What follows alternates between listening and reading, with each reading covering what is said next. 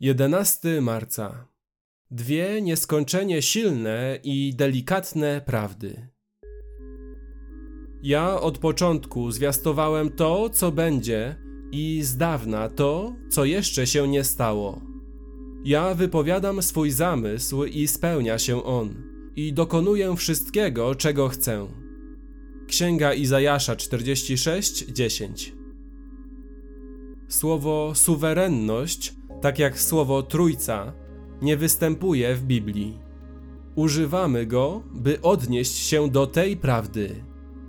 Bóg ma najwyższą kontrolę nad światem, od największej międzynarodowej intrygi do najmniejszego upadku ptaka w lesie.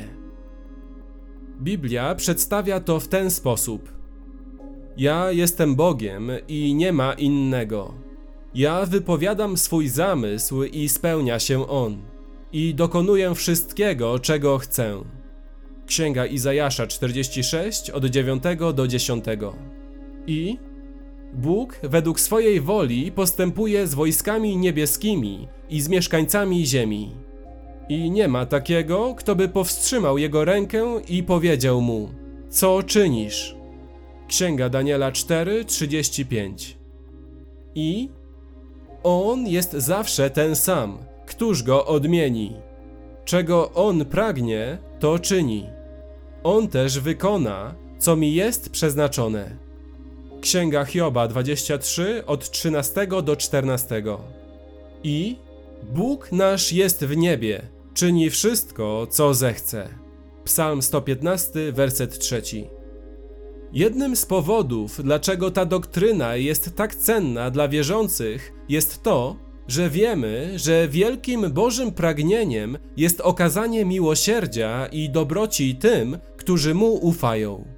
Efezjan 2:7, Psalm 37 od 3 do 7, Księga Przysłów 29-25.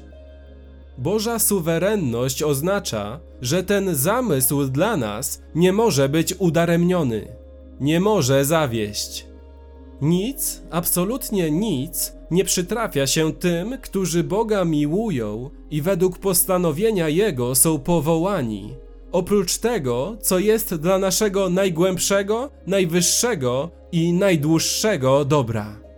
Rzymian 8, 28, Psalm 84, 11. Dlatego lubię mówić, że miłosierdzie i suwerenność Boga są bliźniaczymi filarami mojego życia.